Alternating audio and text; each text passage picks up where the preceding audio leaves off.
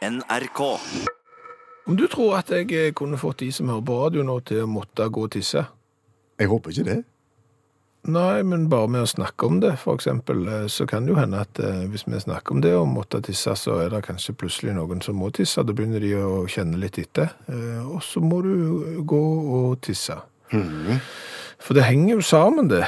Altså, tankene henger jo sammen litt med blæra. At eh, hvis du er innstilt på, på noe, eller blir, plutselig begynner å fokusere på noe og begynner å kjenne etter, eh, så eh, må du kanskje. OK. Og så er det jo andre faktorer som, som ytterligere kan påvirke det å måtte tisse, eksempel.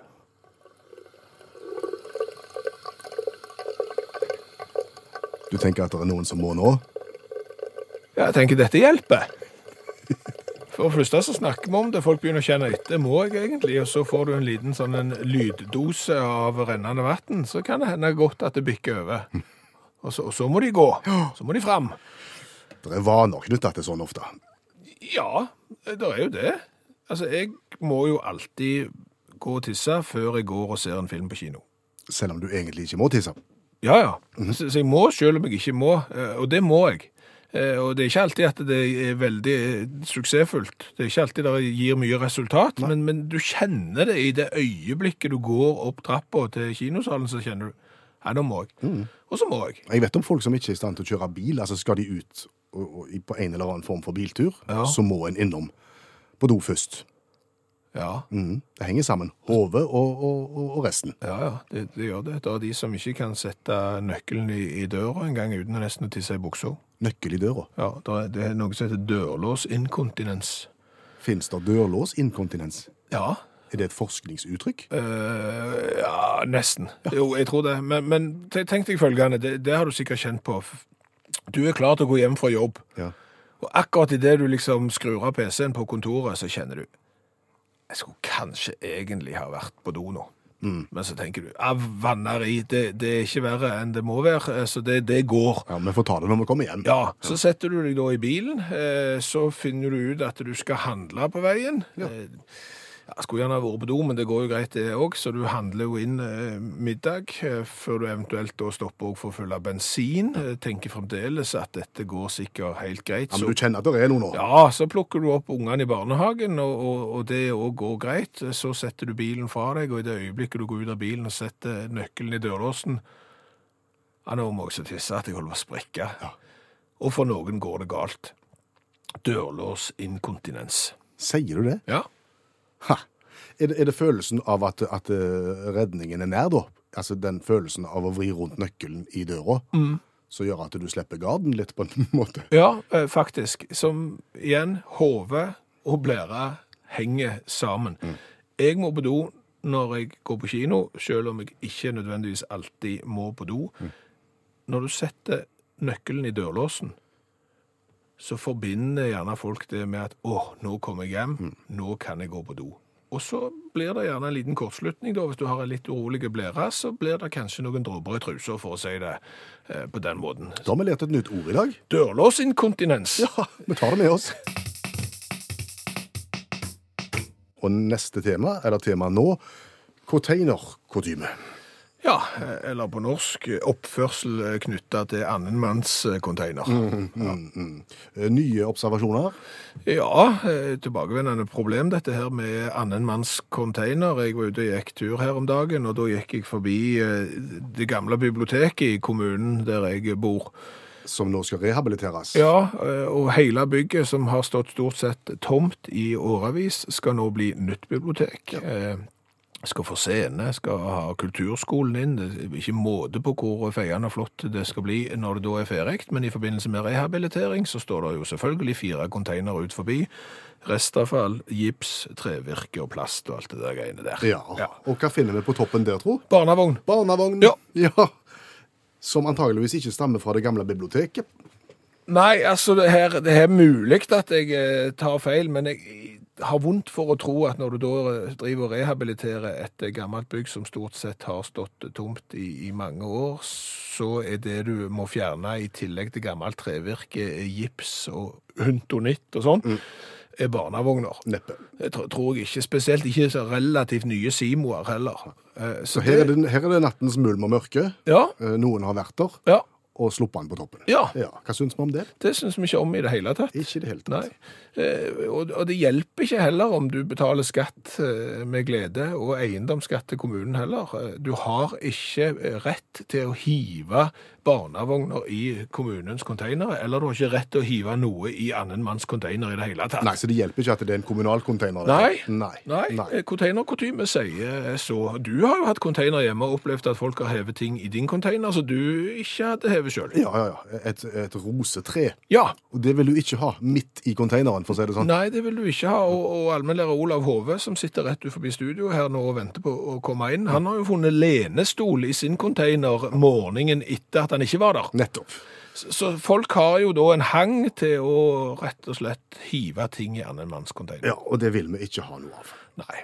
Men så er det jo da å gå ett hakk videre innenfor containerkutymen. Mm. Hvis en nå da finner ei barnevogn på toppen av en kommunal container, Mm. eller en privat container, og du trenger barnevogn, kan du klatre oppi og ta den? Ja, Der er det jo litt dissens blant de to som har utformet containerkutymereglementet. Altså du og meg. Ja. Ja. Eh, Jeg mener jo ja. Jeg mener ja, under forutsetning at du har spurt om lov Ja. først. Ja. Ja. Altså hvis jeg har container ut forbi huset, og det har jeg jo hatt. Hvis noen hadde gått i den containeren for å ta noe ut av den, så hadde jo jeg bare vært glad. For da hadde det blitt bedre plass, på en måte.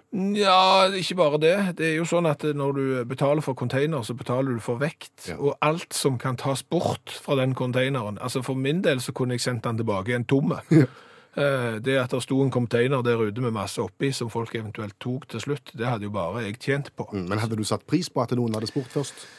Det gjør jo ingenting. Nei. For det, for det er klart, det er jo litt flaut for vedkommende som plutselig stikker hodet over containerkanten, Ja. hvis eieren eller leieren av containeren plutselig kommer ut og så tar deg på fersken. Nettopp. Så det ble en litt sånn ugrei situasjon for begge. Ja, for ville du sjøl klatre opp i annen manns container og forsynt deg uten å spurt om lov først?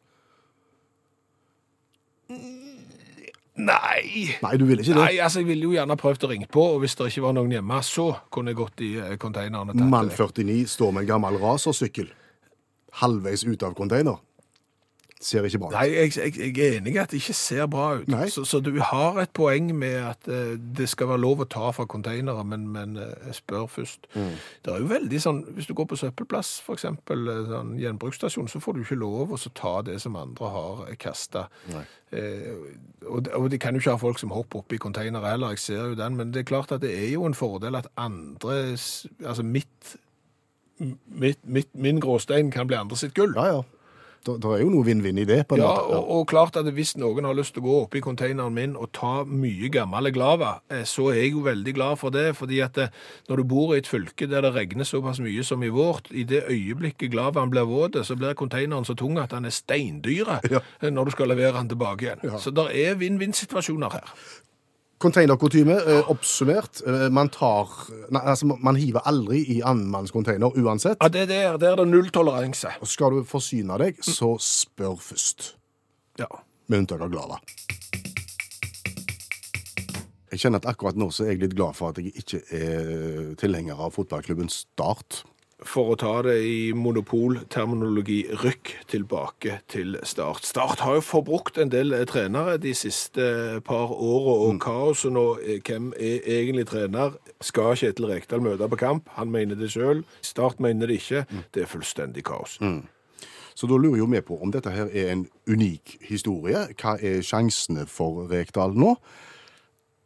Vi begynte å diskutere det og ble svar skyldige, og kaller da inn allmennlærer med to vekttall i musikk, Olav Hove, som hjelper oss med ting vi ikke har greie på sjøl. Det som jeg lurer på, er det unikt det som de holder på med i starten nå? Nei, absolutt ikke. Fordi at Hvis vi ser historisk på det, så finnes det jo noen eksempel på folk som har ja, trent en klubb og mista jobben og trent den på nytt og osv. osv. Eksempel så hadde jo Radomir Antic, som trente Atletico Madrid i 97-98, fikk sparken etter sesongen fordi han hadde nedslående resultat. Men så ble resultatene bare enda verre, så elleve kamper inn i neste sesong så fikk han jobben på nytt. Så gikk det enda mer neve med resultatene, og i slutten av den sesongen så fikk han sparken. For så å få jobben igjen tre måneder etterpå. Så han ble sparka tre ganger i samme klubb på tre år. Men det er jo ikke unikt i det hele tatt. For hvis du går til Bulgaria og Sanko Svetanov, som var trener for klubben FC Etar 1924 ved Liko Tarnovo, ganske omfattende navn på fotballklubb Ja, men der alle tenker jeg at hvis du sitter på tribunen Gi meg en V! Gi meg en Eh, Ja, ikke minst. Eh, han fikk sparken i august i eh, 2012-2013-sesongen. Eh, litt sånn i midten av august fikk han sparken. Eh, så ble det en sånn fanprotest på internett. Så fikk han tilbake jobben i slutten av august. Eh, men resultatene var ikke så gode. og Han var litt sur og gretten, så styret sparka han i midten av september. Ny eh, protest fra supporterne. Fikk tilbake jobben i slutten av september. Så ah, feirer han eh, innsettelsen i ny jobb for andre, for, for andre gang på to måneder med å skjelle ut eh, styreledelsen på en episk måte på sosiale medier, og fikk da sparken i midten av oktober. Altså, da får du sparken tre ganger i løpet av tre måneder i samme klubb. Men det er jo ikke mye å skryte av. Ikke det heller. Nei, for hvis du skal virkelig inn i eh, på en måte gullstandarden innenfor multisparking, så må du til den engelske klubben Barnet. Og eh, på 80-tallet der, så, nei, slutten av 70-tallet så hadde de en trener som heter Barry Fry, som gjorde det ganske godt, men Barnet gjorde det ganske dårlig. Det gikk i mer eller mindre konkurs. Så på, i 1985 så fikk han der Barry Fry han fikk et tilbud eh, fra, fra eh, klubben Maidstone United. Og for oss som fulgte med på eh, ikke-ligaklubber på midten av 80-tallet, så var jo Maidstone United liksom Barcelona innenfor Fotball på lavt nivå. ja, ja. eh, og han fikk jo han fikk et vanvittig tilbud. Han fikk jo, ny, han fikk jo bruktbil og nytt teppe på kontoret. Sier du det? Ja, Så da måtte han jo bare gå. Men Barnet var i ferd med å gå konkurs, og inn fra venstre kom Stan Flashman, han heter faktisk det, som hadde tjent seg rik på ved billetthai utenfor White Hart Lane, til hjemmebane til Tottenham. Barnet måtte ha 50 000 pund umiddelbart, for ellers gikk det konk. Og det hadde han liggende i huset, så han kunne betale seg ut av, denne godeste Flashman. Eh, fikk da, og Når du da har redda en fotballklubb på lavt nivå, så blir du da belønna med å bli styreformann, i tillegg til at sønnen fikk bli reservekeeper. En fin ordning. Og det første han gjorde, var å innsette denne Barry Fry på nytt. Han, oh, ja. som, hadde, han som hadde fått nytt teppe på kontoret. Måtte han levere bruktbilen og teppet sitt tilbake igjen? Alt måtte leveres tilbake, men uh, dette ble da starten på et sjuårig Sparken-Armageddon som fotballverden aldri har sett maken til. For den godeste Barry Fry og Flashman de var litt sånn på kant med hverandre konstant. Eh, eh, og dermed så var, var ordningen sånn ifølge hans Barry Fry at hver fredag så besøkte han styreformannen for å få lønna si. Den lønnen kunne han få hvis han oppga lagoppstillingen til dagen etterpå. Hvis ikke han oppga lagoppstillingen, så fikk han ikke lønn. Da fikk han det ikke for etter kampen. Tapte de kampen, så var det ofte han ikke fikk lønn i det hele tatt. Og tapte de skikkelig, så fikk han ofte sparken. Men så var det jo litt kompiser, så når det kom tirsdag-onsdag ut i neste uke, så pleide han som regel få jobben tilbakesatt. Da. Men slik hadde du det gående. da. Og, um, og når vi kom til 1993, da, så eh, hadde han Stan Flashman så mye helseproblem at han bestemte seg for å gå av. Det siste han gjorde før han gikk av, var å sparke Barry Fry. Og så ga han seg, og så fikk Barry Frey jobben tilbake satt umiddelbart, for så å bli sparka dagen etterpå. Altså tre ganger på tre dager. Og offisielt så sier han i engelsk fotball at han fikk sparken ni ganger i løpet av de sju årene, mens innad i klubben så sier de at det er nærmere 19. Mens Barry Frey sjøl, som sier han har telt, han sier at han fikk sparken 37 ganger på sju år. Så da snakker vi Ja. perspektiv. Det er rolig i start. Ja visst er det rolig. Tusen takk, allmennlærer med to vekttall i musikk, Olav Hove.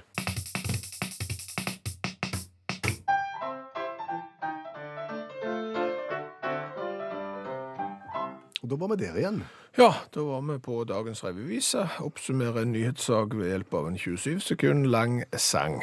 Din tur i dag. Yes, eh, og det er jo sånn at hvis du er ute og kjører bil, eh, så skal du jo ikke taste på mobilen. Nei, det skal du ikke. Det er livsfarlig. Det er livsfarlig. Eh, Du blir distrahert, du kan kjøre av veien, du kan kjøre på noen. Mange eksempler på at folk gjør det.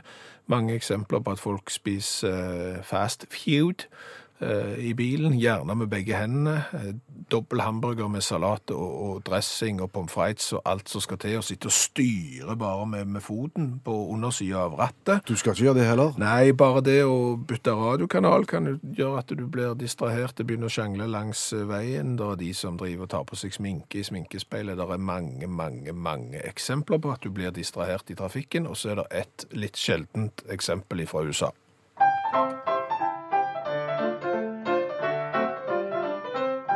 Hvis du kjører din bil mens du tekster på mobil, da blir du distrahert og farlig i trafikken. Skal du spise burger, mat med brus og dressing og salat, da bør du ikke kjøre bil, ta heller trikken. Men skal du garantert bli ordentlig distrahert, Ta med en stor tjukk gris som ikke er dressert. For med 100 kilo gris i fanget mens du kjører bil, da blir det slalåmkjøring, da mil etter mil. Hadde han med gris i bilen? Ja, Og da ble det gris? da blir det gris. Jeg hadde faktisk to, eh, men hadde den lille grisen, den satt i baksetet. Den store grisen, den eh, satt framme. Det er da sheriff, en sheriff i Minnesota i USA som har sett en bil som ja, gjerne ikke helt holdt eh, plassen sin innenfor forbi veibanen. Vinglekjøring? Litt grann av vinglekjøring, og da tenkte han umiddelbart at det kan være mobilbruk, for eksempel, eller eh, hamburgerspising. Så han tar opp jakten? Han stopper denne bilen, og så får han jo en opplevelse som han ikke har hatt før, for der i framsetet, i fanget til sjåføren, der ligger det jo da en gris anslått til ca. 113 kilo. Eh, Ikke spesielt godt dressert var han heller, hadde en hang, og, og han som kjørte sa at han beklagte at han hadde kjørt litt av vinglete, men denne grisen hadde drevet og skubba borti rattet da. Ja, ja. Så det, det var årsaken. Og da må jo politiet spørre, eh, ja, men hvorfor kjører du med gris? Ja. Eh, han skulle flytte. Grisen? Ja, altså, han og eieren, eh, de, de skulle flytte, så, og noe av flyttelasset var gris, og han var glad i sine griser. Han eh, syntes ikke at grisen skulle stå på en tilhenger og fryse, så derfor valgte han å transportere de inn i bilen, og den store grisen hadde da tydeligvis en, tydeligvis en hang til å sitte foran, Eh, så han satte seg der da. Konsekvensen av dette, da? Ja, nå kan du gjette, for, for der ble jeg litt overrasket selv.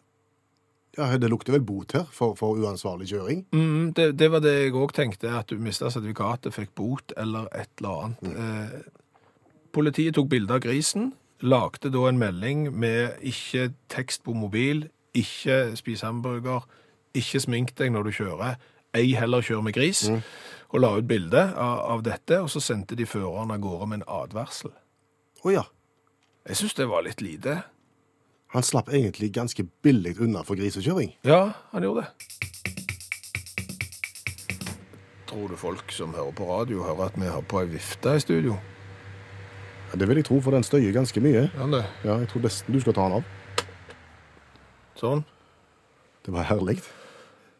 Han, han, bråker veldig. Og det, det er kanskje ikke så interessant for uh, folk, men vi har rett og slett et sånn bordvifte stående i studio, fordi at ventilasjonsanlegget på det kontoret vi jobber på, det Er under rehabilitering. Ja, eh, syv uker eh, skal det ta. Og da er du uten ventilasjon, og så er du i et rom med relativt mye elektronikk og datamaskiner og den slags, og de genererer jo litt varme. Så det blir mildt. Ja, Så da har jo løsningen blitt en vifte. Ja, Som står og blåser kontinuerlig på oss mens sangene blir spilt. Ja. Ikke når vi snakker, for da blir det for mye bråk. Ja, da skrur man av. Ja, Og det fikk oss til å tenke på Ja, Er det farlig? ja, er det farlig å sitte i den viftelufta. Ja, for det er jo luft i bevegelse, og så- luft i bevegelse kalles jo trekk. Ja. Og luft i bevegelse, såkalt trekk, Ja. har vi jo lært er farlig. Det er vel bare én ting som er farligere enn det. Ja, det er gjennomtrekk. Ja, det er livsfarlig. Ja, eh, nei, men du hører jo om, om folk som sier at de får stiv nakke, for eksempel litt ha bodd på et hotellrom med aircondition. Mm. Eh, De har sittet i en stol, eksempel, og lest eh, krimboka si en uh, sommerferie der, og så er det et aircondition stående og blåse uh, luft i, i nakken, og så har du blitt stiv i nakken, er farlig. Mm. Men så blir vi jo samtidig fortalt at frisk luft ute er bare sunt. Ja, Det skal du ha mest mulig av, egentlig. Ja, vi ble jo sendt ut når vi var små for å få frisk luft, mm. fordi at det var eh, sunt. Hvis vi satt for mye inne i den stille lufta, så var ikke det godt for oss, og dermed måtte vi ut i frisk luft. Men var du inne og åpna vinduet og fikk den lufta ute, den som du skulle ut og være i, fikk du den inn, så var det farlig. Ja. Så det er, det er vrient. ja. Og er det noe som henger igjen fra gammelt av dette her, eh, og at nyere trekkforskning har vist seg at det er ikke så skummelt, eller er det egentlig det? Nei, men, jeg, nei, men jeg tenker eh, eksempler. Som sagt, ei vifte fra aircondition som gjør at folk hevder at de har blitt stive i nakken. Det er jo da luft i bevegelse som gjerne kanskje òg er litt kjøligere enn akkurat den lufta rett rundt deg.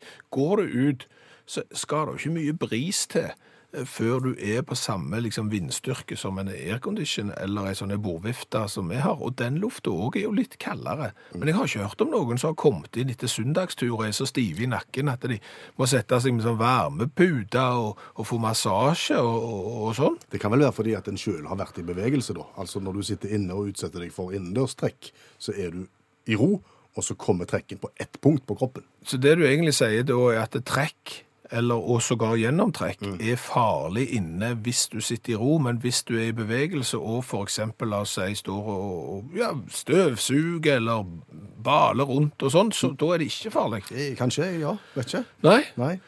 Jeg, eh, en husker jo bilturer fra 70-80-tallet. Mm. Altså før aircondition kom i bilene. Da ble det mildt i bilene hvis du kjørte f.eks. i Italia. Ja. Men var det et alternativ å ha oppe vinduet? Nei.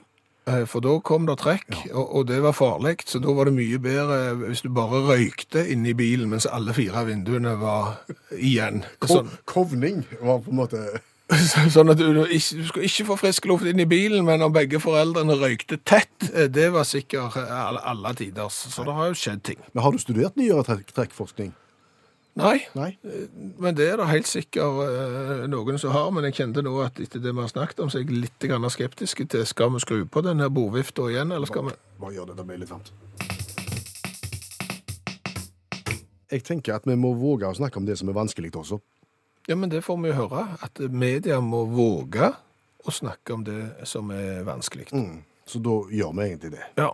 Vi tar noe som er vanskelig. Og det som er vanskelig, det er å skrive på mobiltelefon med såkalt eh, autokorrekt. Altså det at eh, mobiltelefonen på en måte eh, retter opp i ordene og velger hva for noen ord du egentlig skal skrive. Og det som vi har veldig vanskelig for å forstå, det er når vi skriver «og», så vil iPhonen skrive «ig». Ja, nå vet ikke vi om dette er noe som gjelder alle typer mobiltelefon. Vi har jo den med eple på, som du sier. Og, og når vi skal skrive og, eksempel det og det, så skriver han 100% konsekvent stor I, stor G. «Ig». Ja. Og så må du inn og rette. Ja, men det er jo ikke det jeg vil si. Og Og jeg lurer på hva er det egentlig du vil si hvis du sier «ig». Nei, jeg har ikke peiling, jeg har aldri brukt IG. Jeg vet ikke hva IG er. Nei. Hva IG er sikte til for noe? Nå har du veldig sånn engasjert stemme. Ja, merker du det? Ja. Jeg går opp i, jeg går opp i pitch, Ja. og det er ikke meninga. Jeg kan gå ned òg. Ja. Jeg kan være engasjert her nede. Er det bedre nå? Ja, jeg jeg forstår ikke meninga med det. Jeg forstår det ikke. Nei. Nei? Noen har jo tenkt at ig er et mer sentralt ord enn åg, Ja. i, i og med at det er det han velger. For han velger jo det han tror er rett. Ja, og, og, og du har jo nå fått i ansvar å finne ut eh, hva IG faktisk er for noe. Det er det vi skriver hele veien. Og det var ikke lett. Nei. Eh, jeg har søkt litt i, i Fleksikon Mhm. og, og funnet ut at ig kan være et tysk kjemisk konsern. Ja, så da mener eh, disse småtassene som sitter i Silicon Valley i USA, at vi nordmenn vil nok oftere henspeile mot et tysk kjemisk konsern enn òg. Ja. Det kan også være IG Metall, som er en tysk fagforening. OK. Det er vel heller ikke så eh, ofte at en er opptatt av. Nei. Det kan være et postområde i området rundt Ilford i, i Stor-London og, og Essex. Å ja, 4450 IG? Ja. OK. Alternativt så kan det være en eh, innsatsgruppe, altså en enhetstype i Sivilforsvaret. Å ja. IG. IG. Ja. HV IG 15. Noe sånn. Et eller annet der omkring. Det er ikke så ofte du har bruk for å skrive om det heller. Nei. Nei. Jeg har Så- kommet fram til kan hende det er Instagram. At det er en forkortelse for Instagram. Ja, Det er bare min teori, men jeg vet ikke fasiten. Men det irriterer meg like mye hver eneste gang jeg prøver å skrive òg. For jeg har aldri i hele mitt liv Det kan være et symptom på at jeg er over 40 år, men jeg har aldri hatt behov for å skrive ig. Nei. Men jeg har hatt veldig ofte behovet for å skrive òg. Og så har jeg hatt veldig stort behov for å skrive mail med liten m. Ja. For det å velge han alltid. Når du skriver mail, Ja. så skriver han det med stor M, selv om du er midt inne i en setning. Jeg sender mail. Mail med stor bokstav skriver han hver gang, så fremstår det jo som om du er, ikke kan rettskriving. Yes. Så må du inn og fikse. Ja. Det har vi skjønt hvorfor. Det er fordi at, eh, at Apple har da et eget dataprogram som heter Mail, som er et mailprogram, som er et eget navn. Og når du skriver mail, så tror de kanskje at det er det programmet du mener, og det har stor bokstav. For å si det sånn, dårlig forklaring, men eh, plausibel sådan. Men vi, vi kjøper den ikke. Vi vil ha tilbake ågen vår, og vi vil ha mail med liten m. Og det er sikkert andre problemer der ute òg. Folk må skjerpe seg. Hva har vi lært i dag? Vi har lært at vi kan få folk til å måtte tisse. Uff da. Ja, eh, For hode og blære henger sammen, så hvis du tenker på det, så må du eh, kanskje Roger han eh, måtte på do allerede fem minutter før vi begynte å snakke om at eh, folk måtte tisse, og har fått meldinger fra folk som må på do når de fyller kaffetrakteren, for bare lyden av vann som går opp i kaffetrakteren, kan få folk til å tisse. Ja, jeg har måttet lenge, jeg nå. Så har vi lært litt om containerkutyme. Hvordan du skal oppføre deg da med annenmannscontainer. I møte med annenmannscontainer, ja. Ja, du har ikke lov å hive i andre sin container uansett. Aldri. Nei. Eh, Du har lov å ta fra annenmannscontainer hvis du spør først. Ja. Jeg har fått et innspill fra Tom Even som sier at i Spania der er det sånn at eh, en uskreven regel at de som har noe som virker, som de vil kvitte seg med, så setter de det ved siden av konteineren. Ja. Og da betyr det fritt vilt. Bare ta. Ha. Så det er jo et eh, Da noterer vi det. lite triks. Og i forbindelse med containerkutyme, som vel er et relativt norsk nytt ord, Containerkutyme. ja, så Atle sendt oss ordet kjøleskapsapati. Kjøleskapsapati. Lider han av det? Ja, særlig menn. Eh, Atle kaller seg for kjøleskapsmagnat. Den er god. Eh, og lider sammen med mange andre mannfolk av kjøleskapsapati. Det er den der når du åpner et kjøleskap som gjerne er proppfullt av mat, og så står du bare og kikker og glaner. Du aner ikke hva du skal ta. Du kommer ikke videre, nei. Nei. Kan det være det samme som klesskapsapati? Hvem er det som lider av det? Det er ofte damer. De Ja. åpner klesskapet og ser at det bugner av klær. Det er stappfullt av kjoler og skjørt, og så har de ingenting å ha på seg. Nei, nei, nei. Det er akkurat det samme. Ja. Det er klesskapsapati. Så har vi irritert oss over en amerikansk mobiltelefonprodusent som begynner på A og slutter på pøll. ja. Som tror at òg er ig. Hver gang vi skal skrive òg, så sier han IG med stor I og stor G, og vi vet ikke hva det betyr. Karl Inge og Arnstein sier at IG er det samme som igangsettes, igangsettelsestillatelse. Og, og det er noe du f.eks. får fra kommunen før du skal begynne å grave, hvis du skal grave til hus. Jeg vet ikke hvor ofte jeg har brukt IG, altså igangsettelsestillatelse istedenfor òg. Igangsettelsestillatelse høres ut som IT, hvis det var meg. Men OK. Ja, ja. Ikke ødelegg nå.